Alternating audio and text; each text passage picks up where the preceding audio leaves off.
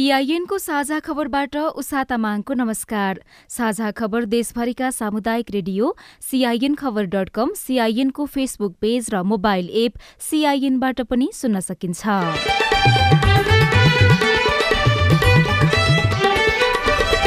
प्रदेश एकको नाम कोशी प्रदेश राख्न ठूला दल सहमत आजै पारित गरिने प्रदेशसभा आसपास निषेधित क्षेत्र घोषणा।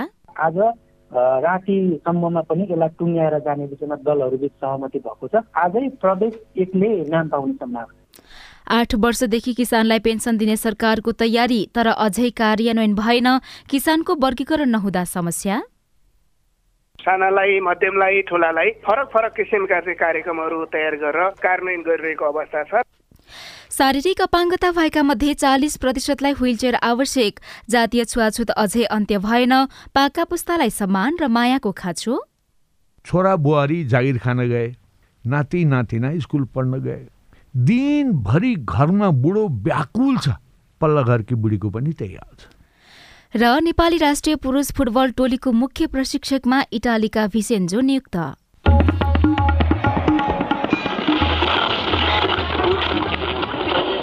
सयौं रेडियो। हजारौं रेडियो कर्मी र करोडौं नेपालीको माझमा यो हो सामुदायिक सूचना नेटवर्क सिआइएन नेपालमा कुल तीस लाख एकानब्बे हजार हेक्टर जमिन खेतीयोग्य भए पनि सडतिस प्रतिशत जमिनमा मात्रै सिंचाई सुविधा पुगेको छ। बाँकी खेतबारीमा सिंचाई पुर्याउने भन्दै हरेक वर्ष सरकारले बजेट त सार्वजनिक गर्ने गरे पनि लक्ष्य अनुसारको उपलब्धि हासिल हुन सकेको छैन। कृषिको रूपान्तरणको एक अनिवार्य शर्ताका रूपमा रहेको सिंचाई सुविधा विस्तार गर्न सरकारले प्रभावकारी योजना ल्याउनुपर्छ। अब खबर सुशीला श्रेष्ठबाट। प्रदेश एकको नाम टुङ्गो लगाउने बारे प्रदेशसभामा प्रक्रिया भइरहेको छ। नामाकरणमाथिको छलफल सकिएपछि अहिले भने संसद बैठक स्थगित गरिएको छ। प्रदेशको नाम कोशी प्रदेश राख्ने प्रस्तावमा प्रस्तावक रामबहादुर मगरले सदनमा उठेका प्रश्नको जवाफ दिएपछि त्यसमाथि संशोधन हाल्न बैठक दुई घण्टाको लागि स्थगित गरिएको प्रदेशसभाका सभामुख बाबुराम गौतमले जानकारी दिनुभयो। मान्य सदस्यहरू नियावली दुई हजार चौहत्तरको नियम अन्ठाउन्न ख दस बमोजिम प्रस्तुत प्रस्तावमाथि संशोधनको सूचना दर्ता गराउन चाहनुहुने मान्य सदस्यले यो सभा स्थगित भएको समय अहिलेबाट लागू हुने गरी दुई घण्टाभित्र प्रदेशसभा सचिव समक्ष आफ्नो संशोधनको सूचना दर्ता गराउन जानकारी गराउँदछु। अब यो बैठक दुई घण्टाका लागि स्थगित हुन्छ। प्रदेशको नाम कोशी प्रदेश राख्नुपर्ने प्रस्तावमा नेकपा एमालेका सांसद रामबहादुर मगरले गर्नुभएको थियो। प्रस्तावको समर्थकमा कांग्रेसका भूमि प्रसाद राजवंशी र सांसद निरन राई रहनु भएको छ। प्रस्तावमा सांसदहरूले छलफलमा सहभागिता जनाएका थिए। दुई घण्टापछि शुरू हुने बैठकमा मत विभाजन हुन सक्ने सम्भावना रहेको भन्दै प्रदेशसभा सचिवालयले मत विभाजनका लागि तयारी गरेको छ। दुई तिहाई मत प्राप्त गरेपछि प्रदेशसभाबाट प्रदेश एकले नाम पाउने कानूनी व्यवस्था छ।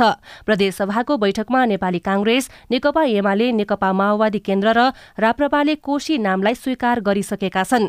एकीकृत समाजवादीका सांसद राजेन्द्र कुमार राईले राखेको किरात लिम्बुवान सगरमाथा नाम राख्ने प्रस्ताव गर्नुभएको थियो तर यो प्रस्ताव बैठकले अस्वीकृत गरेको छ।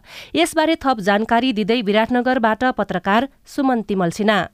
कसैलाई चित्त न नबुझेको कुरालाई चाहिँ अथवा कुनै त्यस्तो संशोधन गर्नुपर्ने अवस्था छ भने संशोधन हाल्नका लागि चाहिँ यो दुई घन्टाको समय दिएको छ। यो प्रदेशसभा नियावली व्यवस्था भएको कुरा हो र यसलाई चाहिँ के निलम्बन गर्नुपर्थ्यो यो समय ग्याप जुन दुई घन्टा चाहिँ संशोधनको प्रस्ताव नहाल्ने खालको निलम्बन गर्नुपर्ने हुन्थ्यो। निलम्बन नगर्दाको अवस्थामा चाहिँ यो संशोधन हाल्नका लागि छुट्याइएको समय हो। लगत्तै ठ्याक्कै दुई घन्टामा फेरि प्रदेशसभा सुचारू हुन्छ र आज रातिसम्ममा पनि यसलाई टुङ्ग्याएर जाने विषयमा दलहरूबीच सहमति भएको छ। आजै प्रदेश एकले नाम पाउने सम्भावना अब प्रदेश एकको मात्र नाम राख्न बाँकी छ। यसैबीच जिल्ला प्रशासन कार्यालय मोरङले प्रदेश सभा आसपासको क्षेत्रलाई निषेधित क्षेत्र घोषणा गरेको छ। आज दिउँसो तीन बजेदेखि लागू हुने गरी अर्को सूचना जारी नभएसम्मका लागि निषेधित क्षेत्र घोषणा गरिएको जिल्ला प्रशासन कार्यालय मोरङले जनाएको छ। विराटनगर स्थित देवकोटा चोकदेखि कोशी अस्पताल चोकसम्म जिल्ला प्रशासन कार्यालय ओरपर मुख्यमन्त्री तथा मन्त्री परिषदको कार्यालय र मुख्यमन्त्रीको निवास ओरपरको क्षेत्रमा नामको टुङ्गो नलागेसम्मका लागि निषेधित क्षेत्र घोषणा गरिएको कार्यालयले जनाएको छ।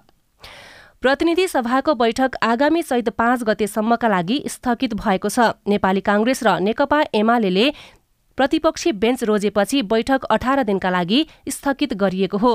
प्रतिनिधि सभाको बैठक आज दिउँसो एक बज्ने बस्ने गरी तयारी भएको थियो। तर काङ्ग्रेस र एमाले दुवै दलले आफूहरू प्रतिपक्षमा बस्ने जानकारी संसद सचिवालयलाई गराएपछि दलहरूको समन्वयमा संसद सचिवालयले सूचना निकालेर बैठक नै आगामी चैत पाँच गतेसम्मका लागि स्थगित गरेको हो। पहिले सरकारमा रहेको नेकपा एमाले सरकारलाई दिएको समर्थन समेत फिर्ता लिएर सरकारबाट बाहिर तिरिसकेको छ।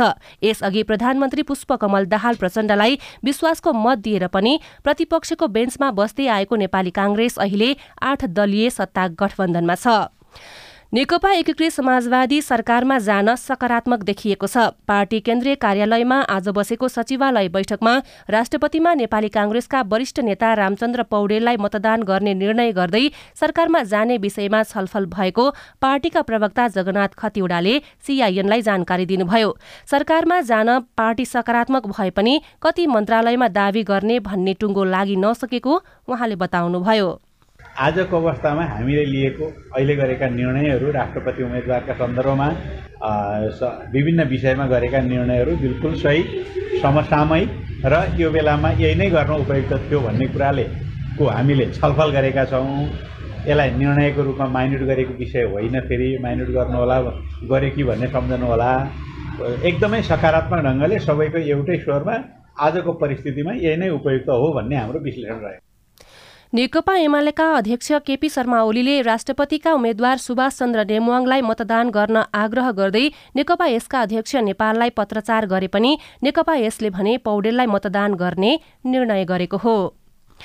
आज शून्य भेदभाव दिवस। नेपालको संविधानले सबै प्रकारका जातीय छुवाछुतको अन्त्य गरी आर्थिक समानता समृद्धि र सामाजिक न्याय सुनिश्चित गर्न समानुपातिक समावेशी र सहभागितामूलक सिद्धान्तका आधारमा समतामूलक समाजको निर्माण गर्ने संकल्प गरेको छ। तर अझै पनि यस्ता विभेद अन्त्य हुन सकेका छैनन्। राष्ट्रिय दलित आयोगको तथ्याङ्क अनुसार गएको साउन यता सात महिनामा छुवाछुत विरुद्धका तेइसवटा मुद्दा दर्ता भएका छन्। बिरानो यो मन्दिरमा कुनै दियो बोल्दैन। नआऊ मेरो सामु तिमी मैले छोएको चल्दैन नवलपुरको गैडाकोटका कुमारी सुनार समाजले गर्ने विभेदका कारण सहजै गाउँघरमा घुलमिल हुन डर लाग्ने गरेको बताउनुहुन्छ। आफूले धेरै पटक जातीय विभेदको तितो अनुभव गर्नु परेको उहाँ बताउनुहुन्छ। गल्लीमा जान नि दिन्न नि त। यही हाम्रै गाउँमै अब कुनैले त्यही गल्लीमा जाँदा नि रिसाउँछन् गाली गर्छन्। तर आफ्नै घर बस्ने आफ्नै निसित जाने बस्ने त्यही नेपालको संविधानले छुवाछुत तथा भेदभाव विरुद्धको हक प्रदान गरेको छ। संविधानमा कुनै पनि व्यक्तिको निजको उत्पत्ति जात जाति समुदाय पेसा व्यवसाय वा शारीरिक अवस्थाको आधारमा कुनै पनि निजी तथा सार्वजनिक स्थलमा कुनै प्रकारको छुवाछुत वा भेदभाव गरिने छैन भनिएको छ। तर व्यवहारिक रूपमा भने यसको कार्यान्वयन हुन नसकेको भुक्तभोगीको भनाइ छ। गैडाकोटकी बिना बिक। उनको घर गए पनि अब चिया खाना दिए पनि भाडा मान्दा पर्ने पैसा लिन पर्ने उनको हातमा माथि हुन्थ्यो हाम्रो हात तल हुन्थ्यो कि। मेला पाता बोलायो भने नि खाना दियो भने नि हामीलाई चाहिँ टपरीमा दिन्थे सँगै बस्न नि दिन्न। जातीय छुवाछुतका घटना कम हुन नसकेको जनाउँदै राष्ट्रिय दलित आयोग लगायत सरकारवालाले ध्यानकर्षण गराउँदै आएका छन्। राष्ट्रिय दलित आयोगका प्रवक्ता सुन्दर पुरखुट्टी जातीय विभेद अन्त्यका लागि सरकार वा आयोग मात्रै नभई सबै नागरिकको हातेमालो आवश्यक रहेको बताउनुहुन्छ। कसुर सजाय ऐन दुई हजार अडसठी अनुसार कानुनी कारवाही गर्ने खालको कुराहरूमा राज्यले विशेष गरी सम्बन्धित निकायले चाहिँ हिचकिचाउनु हुँदैन। परिवर्तन आउन कठिन छ। पहिलो कुरो त मनोविज्ञान र मनस्थिति चाहिँ हामीले परिवर्तन गर्न सक्नुपर्छ। कानुनको प्रतिकूल हुने गरी भएका सबै छुवाछुत तथा भेदभाव जन्ने कार्य गम्भीर सामाजिक अपराधका रूपमा कानुन बमोजिम दण्डनीय काम हुन्। एक्काइसौँ शताब्दीको आधुनिक समयमा पनि मानिस मानिसको बीचमा जात रङ वा कुनै पनि आधारमा छुवाछुत र विभेद गरिनु मानव सभ्यताकै कलङ्क हो। Pabitra Parajuli CIN Vijay FM Nawalpur. गत आठ वर्षदेखि सरकारको योजनामा रहेको किसान पेन्सन योजना अझै कार्यान्वयन भएको छैन। किसानलाई प्रोत्साहन गर्ने उद्देश्यसहित तत्कालीन कृषि मन्त्री हरिबोल गजुरेलले पहिलो पटक दुई हजार बहत्तरमा कृषि विकास मन्त्रालयको प्रतिबद्धता सार्वजनिक गर्दै किसानलाई पेन्सन दिने घोषणा गर्नुभएको थियो। घोषणामा किसान पेन्सन कोष स्थापना गरी हरेक महिना किसानले कोषमा जम्मा गर्ने रकमको दस प्रतिशत सरकारले थपिदिने उल्लेख थियो। त्यस यता नीति तथा कार्यक्रममा कुनै न कुनै रूपमा किसान किसान पेन्सनको कार्यक्रम ल्याइए पनि कार्यान्वयन भने अझै पनि भएको छैन। सरकारले किसान पेन्सन योजनाका लागि पहिलो पटक बिउ पुँजी बापत एक अर्ब सुनिश्चित पनि गरेको छ तर हालसम्म किसान वर्गीकरणको कामसम्म हुन सकेको छैन। कृषि विज्ञले भने सरकारको योजना राम्रो भए पनि किसानको वर्गीकरण कार्यान्वयन चुनौतीपूर्ण रहेको बताउँदै आएका छन् तर सरकारले स्थानीय तह मार्फत किसानको वर्गीकरण गर्ने काम गरिरहेको राष्ट्रिय कृषक समूह महासंघका अध्यक्ष नवराज बस्नेतले सिआइएनसँग बताउनुभयो। घर घरमा गएर किसानका विवरणहरू विशेष गरी कृषि भूमि लगायतका चाहिँ अवस्था के छ भन्ने कुरा ल्याएर त्यसलाई सफ्टवेयर मार्फत हामीले किसानको वर्गीकरण गरेर अनि त्यसपछि परिचय पत्र दिने कामलाई स्थानीय सरकार मार्फत चाहिँ सहजीकरण गरिरहेका छौँ। त्यसो गरेर स्थानीय सरकारले चाहिँ सीमान्त चाहिँ त्यसपछि भूमिहीन र कृषि साना मध्यम र ठुला गरी चारवटा तहमा किसानहरूलाई वर्गीकरण गरेर त्यो परिचय पत्र दिने र त्यसको आधारमा सीमान्तकृत किसानलाई दिने कार्यक्रम सानालाई मध्यमलाई ठुलालाई फरक फरक किसिमका चाहिँ कार्यक्रमहरू तयार गरेर कार्यान्वयन गरिरहेको अवस्था छ। साझा खबरमा अब खेल खबर नेपाल राष्ट्रिय पुरुष फुटबल टिमको मुख्य प्रशिक्षकमा इटालीका भिन्जेन्सो अल्बर्टो एनिस नियुक्त हुनुभएको छ।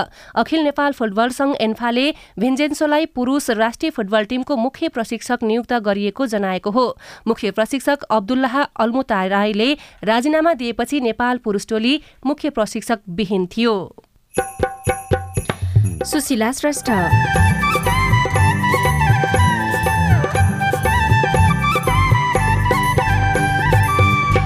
बाजुरामा बाढीले भत्काएको झोलुङ्गे पुल नबन्दा चार महिनादेखि स्थानीय शास्ति खेप्दै दैनिक उपभोग्य सामानहरू किन्ने एकदमै गाह्रो भएको अवस्था छ। हामी सहज घर जान्थ्यौँ हामी त्यो पुल तरेर हामी वारिपारी तर्ने गर्थ्यौँ तर अहिले हिँडेर अनि अर्को पुल भएर जान बाध्यता छ। बाटो पनि धेरै अप्ठ्यारो।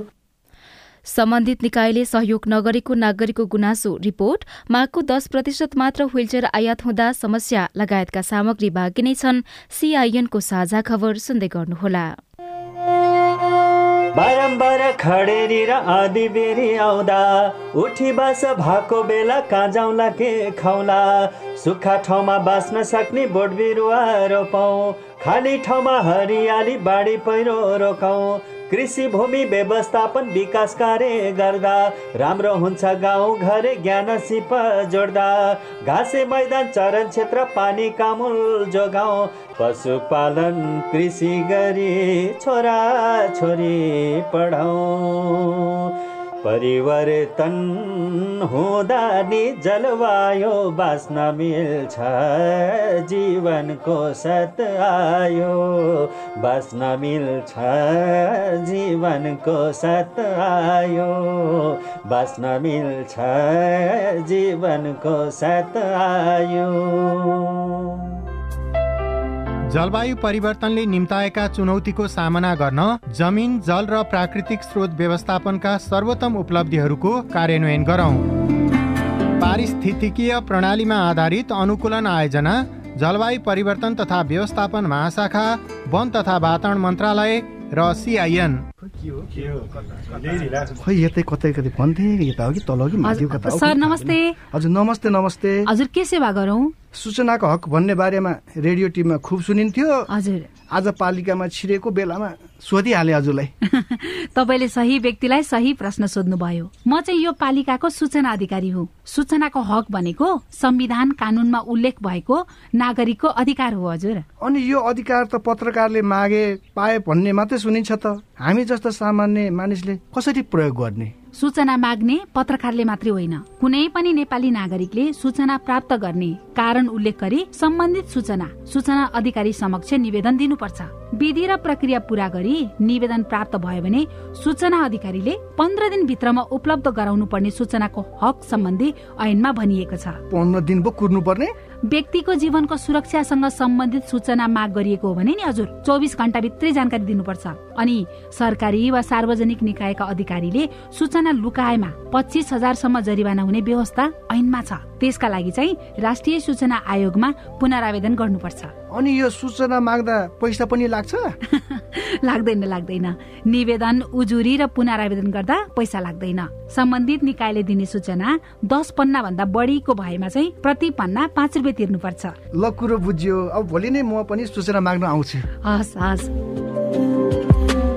अस्ट्रेलिया सरकार र द एसिया फाउन्डेसनको साझेदारीमा सञ्चालित स्थानीय सरकार सबलीकरण कार्यक्रम र अकोराब नेपाल। सामाजिक रूपान्तरणका लागि यो हो सामुदायिक सूचना नेटवर्क सिआइएन तपाई सामुदायिक सूचना नेटवर्क सीआईएनले तयार पारेको साझा खबर सुन्दै हुनुहुन्छ। यस वर्ष बाढ़ी पहिरोका कारण देशभर चार दर्जन पुलमा क्षति पुग्यो। ती पुलको पुननिर्माण गर्न करिब सडचालिस करोड़ चौतिस लाख रूपियाँ आवश्यक पर्ने अनुमान गरिएको छ। कतिपय पुलको तथ्याङ्क त मन्त्रालयमै आइपुगेको छैन। गत सोचमा आएको बाढ़ीमा परि बाजुरामा क्षति पुगेको पुलको पुननिर्माण नहुँदा नागरिकलाई समस्या परेको छ।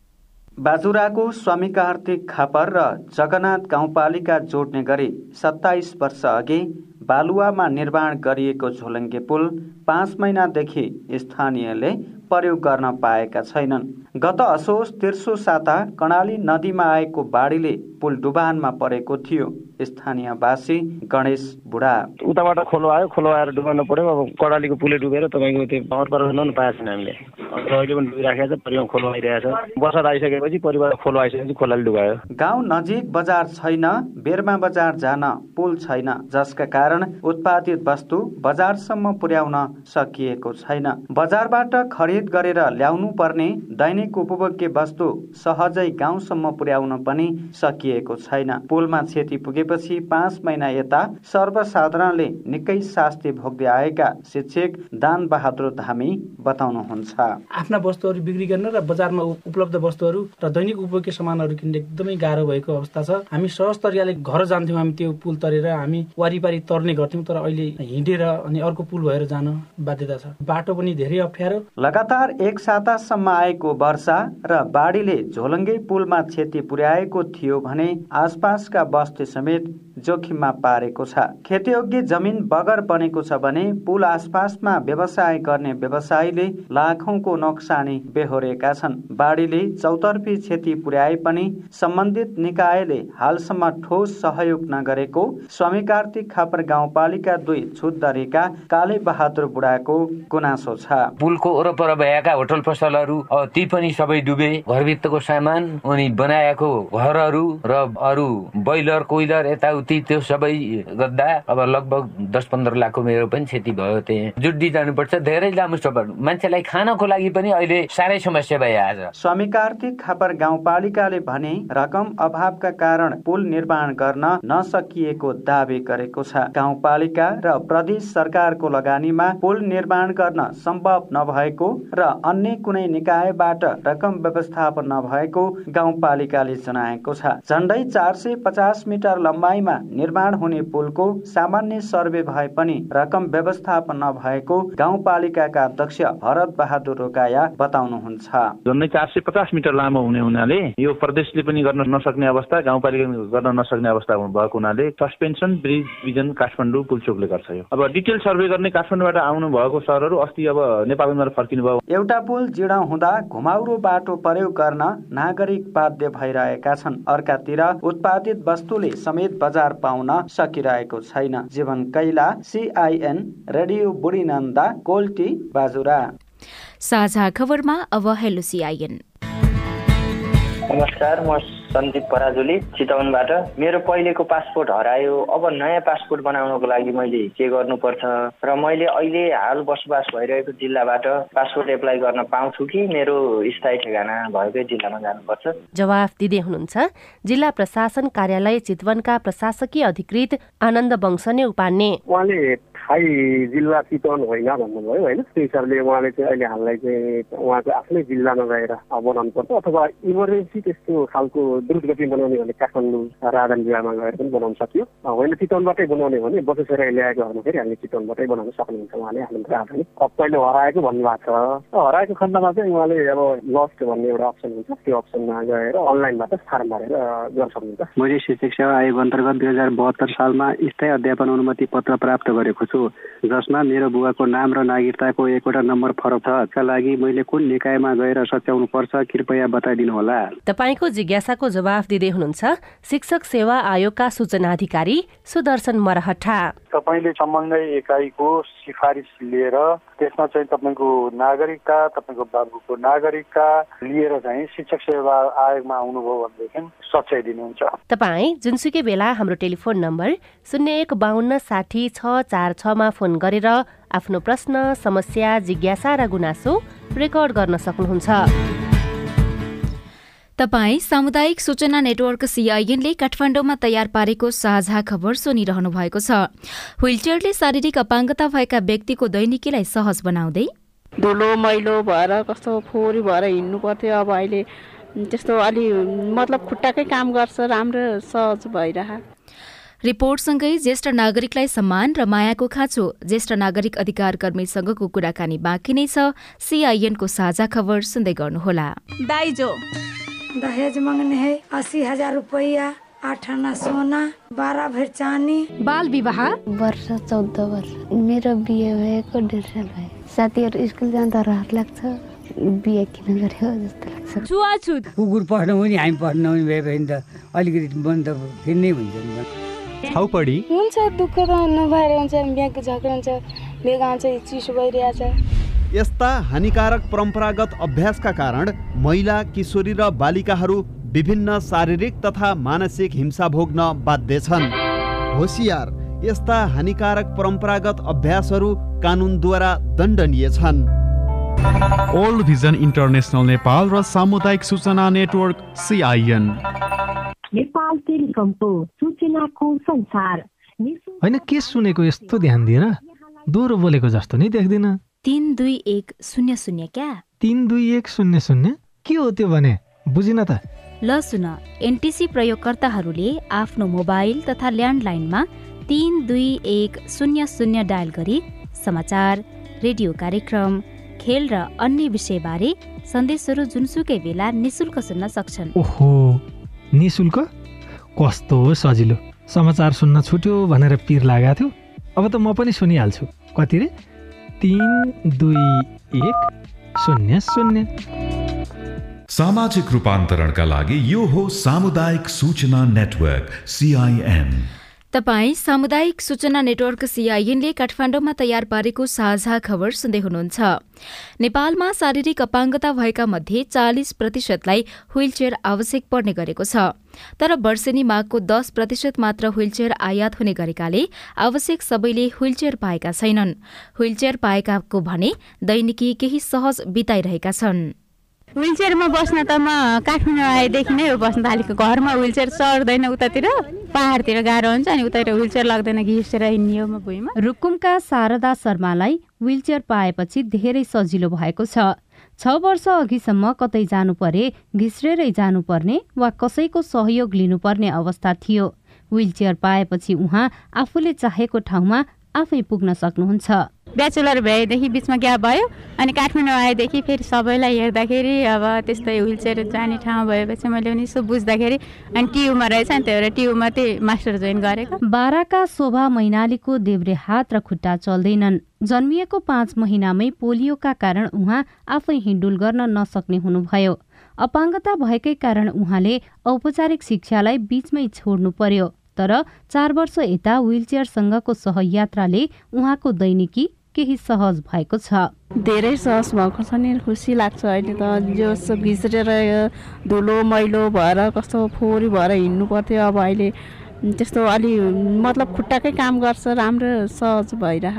राष्ट्रिय शारीरिक अपाङ्ग नेपालका अनुसार अहिले नेपालमा कुल अपाङ्गता भएका व्यक्तिमध्ये पचपन्न प्रतिशत शारीरिक अपाङ्गताका छन्। त्यसमध्ये चालिस प्रतिशतलाई विलचेयर आवश्यक रहेको अनुमान छ। नेपालमा व्हीलचेयर प्रयोगकर्ता कति छन् भन्ने यकिन तथ्याङ्क कतै नभए पनि व्हीलचेयर आवश्यकताको दस प्रतिशत मात्रै आयात हुने गरेको छ। व्हीलचेयर प्रयोग गर्नै पर्ने शारीरिक अवस्थाका नागरिकका लागि स्थानीय तहले व्हीलचेयर उपलब्ध गराउनु पर्ने सङ्खुवासभाका मदन कुमार राईको माग छ। टोइलेट जानु यसो बाथरुम जानु अनि यता बाहिर भित्र जानु कोठामा जानु हुलचेयर जानेमा ऱ्याम भए पनि मान्छे सारा चाहिँदैन त्यतिलाई चाहिँ। हुलचेयर मेनको अपाङ्गलाई चाहिँ त्यसकै चाहिँ उचाउनु त्यसकै चाहिँ आवाज कसै पनि गर्दैन कसै निकाल्दैन बाटो र घाटो र सुत्नेको कुरो गर्छ। टोइलेटको खोइ बाटो। रोडको बाटो पेटी त छ नि रोड त छ नि सबै गयो नि त्यो रोडमा हामी हुलचेयर मेनले मिल्छ त ल भन्नुहोस्। व्हीलचेयर प्रयोगकर्ता राष्ट्रिय अपाङ्ग कोषका लेखा सहायक भरत बहादुर कार्की कुन व्हीलचेयर कस्ता व्यक्तिलाई दिने भन्ने बारे स्थानीय तहलाई पनि थाहा नभएको बताउनुहुन्छ। अपाङ्गताको अवस्था अनुसार उपयुक्त व्हीलचेयर दिनुपर्ने उहाँको सुझाव छ। अहिले भन्छ गाउँ गाउँ घर घरमा सरकार भन्छ तर स्थानीय निकायलाई पनि त कुन व्यक्तिलाई कस्तो प्रकारको व्हीलचेयर चाहिन्छ भन्ने प्राविधिक पनि छैन क्या उहाँहरूसँग। नेपालभरिमा पनि त्यस्तो प्राविधिकहरू धेरै नभएकोले पहिला त त्यो व्हीलचेयर कुन व्हीलचेयर कुन व्यक्तिले प्रयोग गर्ने र उसले गर्दा उसको दैनिकमा कति प्रभाव पर्छ भन्ने त्यो गाइडलाइन्स त्यो नलेज भएको व्यक्तिहरूलाई उत्पादन गर्नु पर्यो। शारीरिक अपाङ्गता भएका नागरिकका लागि व्हीलचेयर सारथी र सहयात्री बनेको छ। जसले दैनिकी सहज बनेको छ तर अपर्याप्तता सडक लगायतका संरचना र व्हीलचेयर मैत्री मानसिकताको अभावका कारण समस्या झेल्नु परिरहेको प्रयोगकर्ताको गुनासो छ। सजना तिमल सिन्हा सिआइएन काठमाडौँ। संयुक्त राष्ट्रसङ्घको सक्रियतामा आजदेखि पाँच दिनसम्म ज्येष्ठ नागरिकको अधिकारको बारेमा र्याली तथा कार्यक्रम भइरहेका छन्। रोजगारका लागि बुबामा छोड्नुपर्ने बाध्यता र फेरिदो संस्कार र जीवनशैलीका कारण ज्येष्ठ नागरिक धेरै पीड़ा भोग्न बाध्य छन्। ज्येष्ठ नागरिकको क्षेत्रमा काम गर्ने संस्था एजिङ नेपालका संस्थापक अध्यक्ष कृष्ण मुरारी गौतमसँग साथी दीपक आचार्यले कुराकानी गर्नुभएको छ। अहिलेको यो संयुक्त राष्ट्रसङ्घदेखि विश्वभरि नै ज्येष्ठ नागरिकहरूको अथवा पाका मानिसहरूको जुन अधिकार छ नि हाम्रो समाज कस्तो भयो भने उमेर बढी हुँदै जाँदाखेरि अधिकार चाहिँ घट्दै घट्दै घट्दै जाने। चाहे त्यो घरमा होस् चाहे त्यो नेपाल सरकारकोमा होस्। जस्तो हामी अधिकार र कर्तव्य एउटा सिक्काको दुईटो पाटो भन्छौँ होइन? अधिकारको कुरा गरिरहँदाखेरि कर्तव्यबाट पनि हामी टाढा टाढा हुँदै अधिकारबाट त वञ्चित गराइएकै छ तपाईँले भनेको जस्तै हिजो हामीलाई सनत कुमारको कथा सुनाएर माता पिताको सेवा सबभन्दा ठुलो सेवा हो होइन? धर्म हो भनेर सिकाइयो। तर अब हामी यो चालचलनहरूबाट पनि टाढा हुँदै हाम्रो ज्येष्ठ नागरिकलाई छोड्दै छोड्दै हामी टाढिँदैछौँ होइन? यसलाई अब कसरी कम गर्ने? परम्परागत शिक्षा जहाँ मातृदेव भव पितृदेव भव भनेर सिकाउँथ्यौँ र त्यसको महत्त्वबारे बुझाउँथ्यौँ त्यो हाम्रो शिक्षाबाट छुटेर गयो। एजिङ नेपाल र त्रिभुवन युनिभर्सिटीबाट एउटा कोर्सहरू बनाएर हामीले अहिलेको मास्टर लेभलदेखि पढाउनु पनि थालेका छौँ। यो ज्येष्ठ नागरिक के हो भने यसको सामाजिक पक्ष र अहिले यो दस एघारको लागि पनि बाह्रमा त कोर्स बनिसक्यो पढाइ भइसक्यो होइन? हुन थालिसक्यो सरकारी स्कुलहरूमा। कम्पलसरी पनि भइसकेका छैन सरकारी स्कुलहरूमा। र गर्दै गर्दै गएर यसलाई यसलाई प्राथमिक स्कुलसम्म पुर्याउने हाम्रो योजना छ।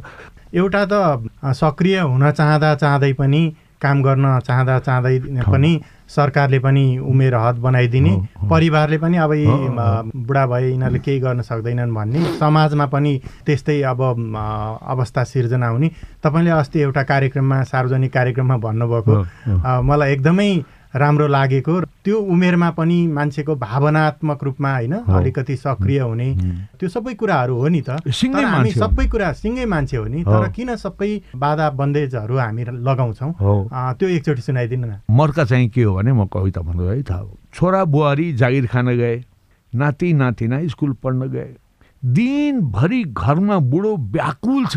पल्ला घरकी बुढीको पनि त्यही हाल छ। इष्टमित्र धेरै छन्। बुढो एक्लै छ। जान ठुलो छ बुढी एक्लै छ। बुढो उता जान मिल्दैन बुढीको सन्तानले लखड्छन् बुढी यता आउन मिल्दैन बुढाका सन्तानले लखड्छन् अनि रात परेपछि बुढो ख्वाक्क खोक्छ पल्ला गरेकी बुढीको कोठामा बत्ती ट्वाक्क बल्छ। बुढी हत्तनपत्त गिलासमा राखेको दाँत झिकेर मुखमा कोच्न थाल्छिन्। राम्री देखिन पर्यो नि। बुढो हत्तन पत्त चस्मा खोज्न थाल्छ। राम्रीलाई त हेर्नु पर्यो नि। त्यो प्रति समाज उत्तिको संवेदनशील छैन कि? समाज पनि र व्यक्ति पनि जस्तो त्यो बच्चाले त भोलि हो। फेरि उसलाई पनि बा तपाईँ खोकिल के गर्दैन। मेरो छोरा भने पछि लाग्छ नि त। हामीले त्यो शिक्षा पनि दिन सकेनौँ।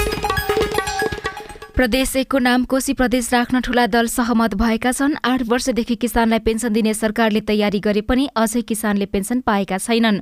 शारीरिक अपाङ्गता भएका मध्ये चालिस प्रतिशतलाई व्हीलचेयर आवश्यक पर्ने भए पनि दस प्रतिशत मात्रै आयात हुँदा सबैले पाउन सकेका छैनन्।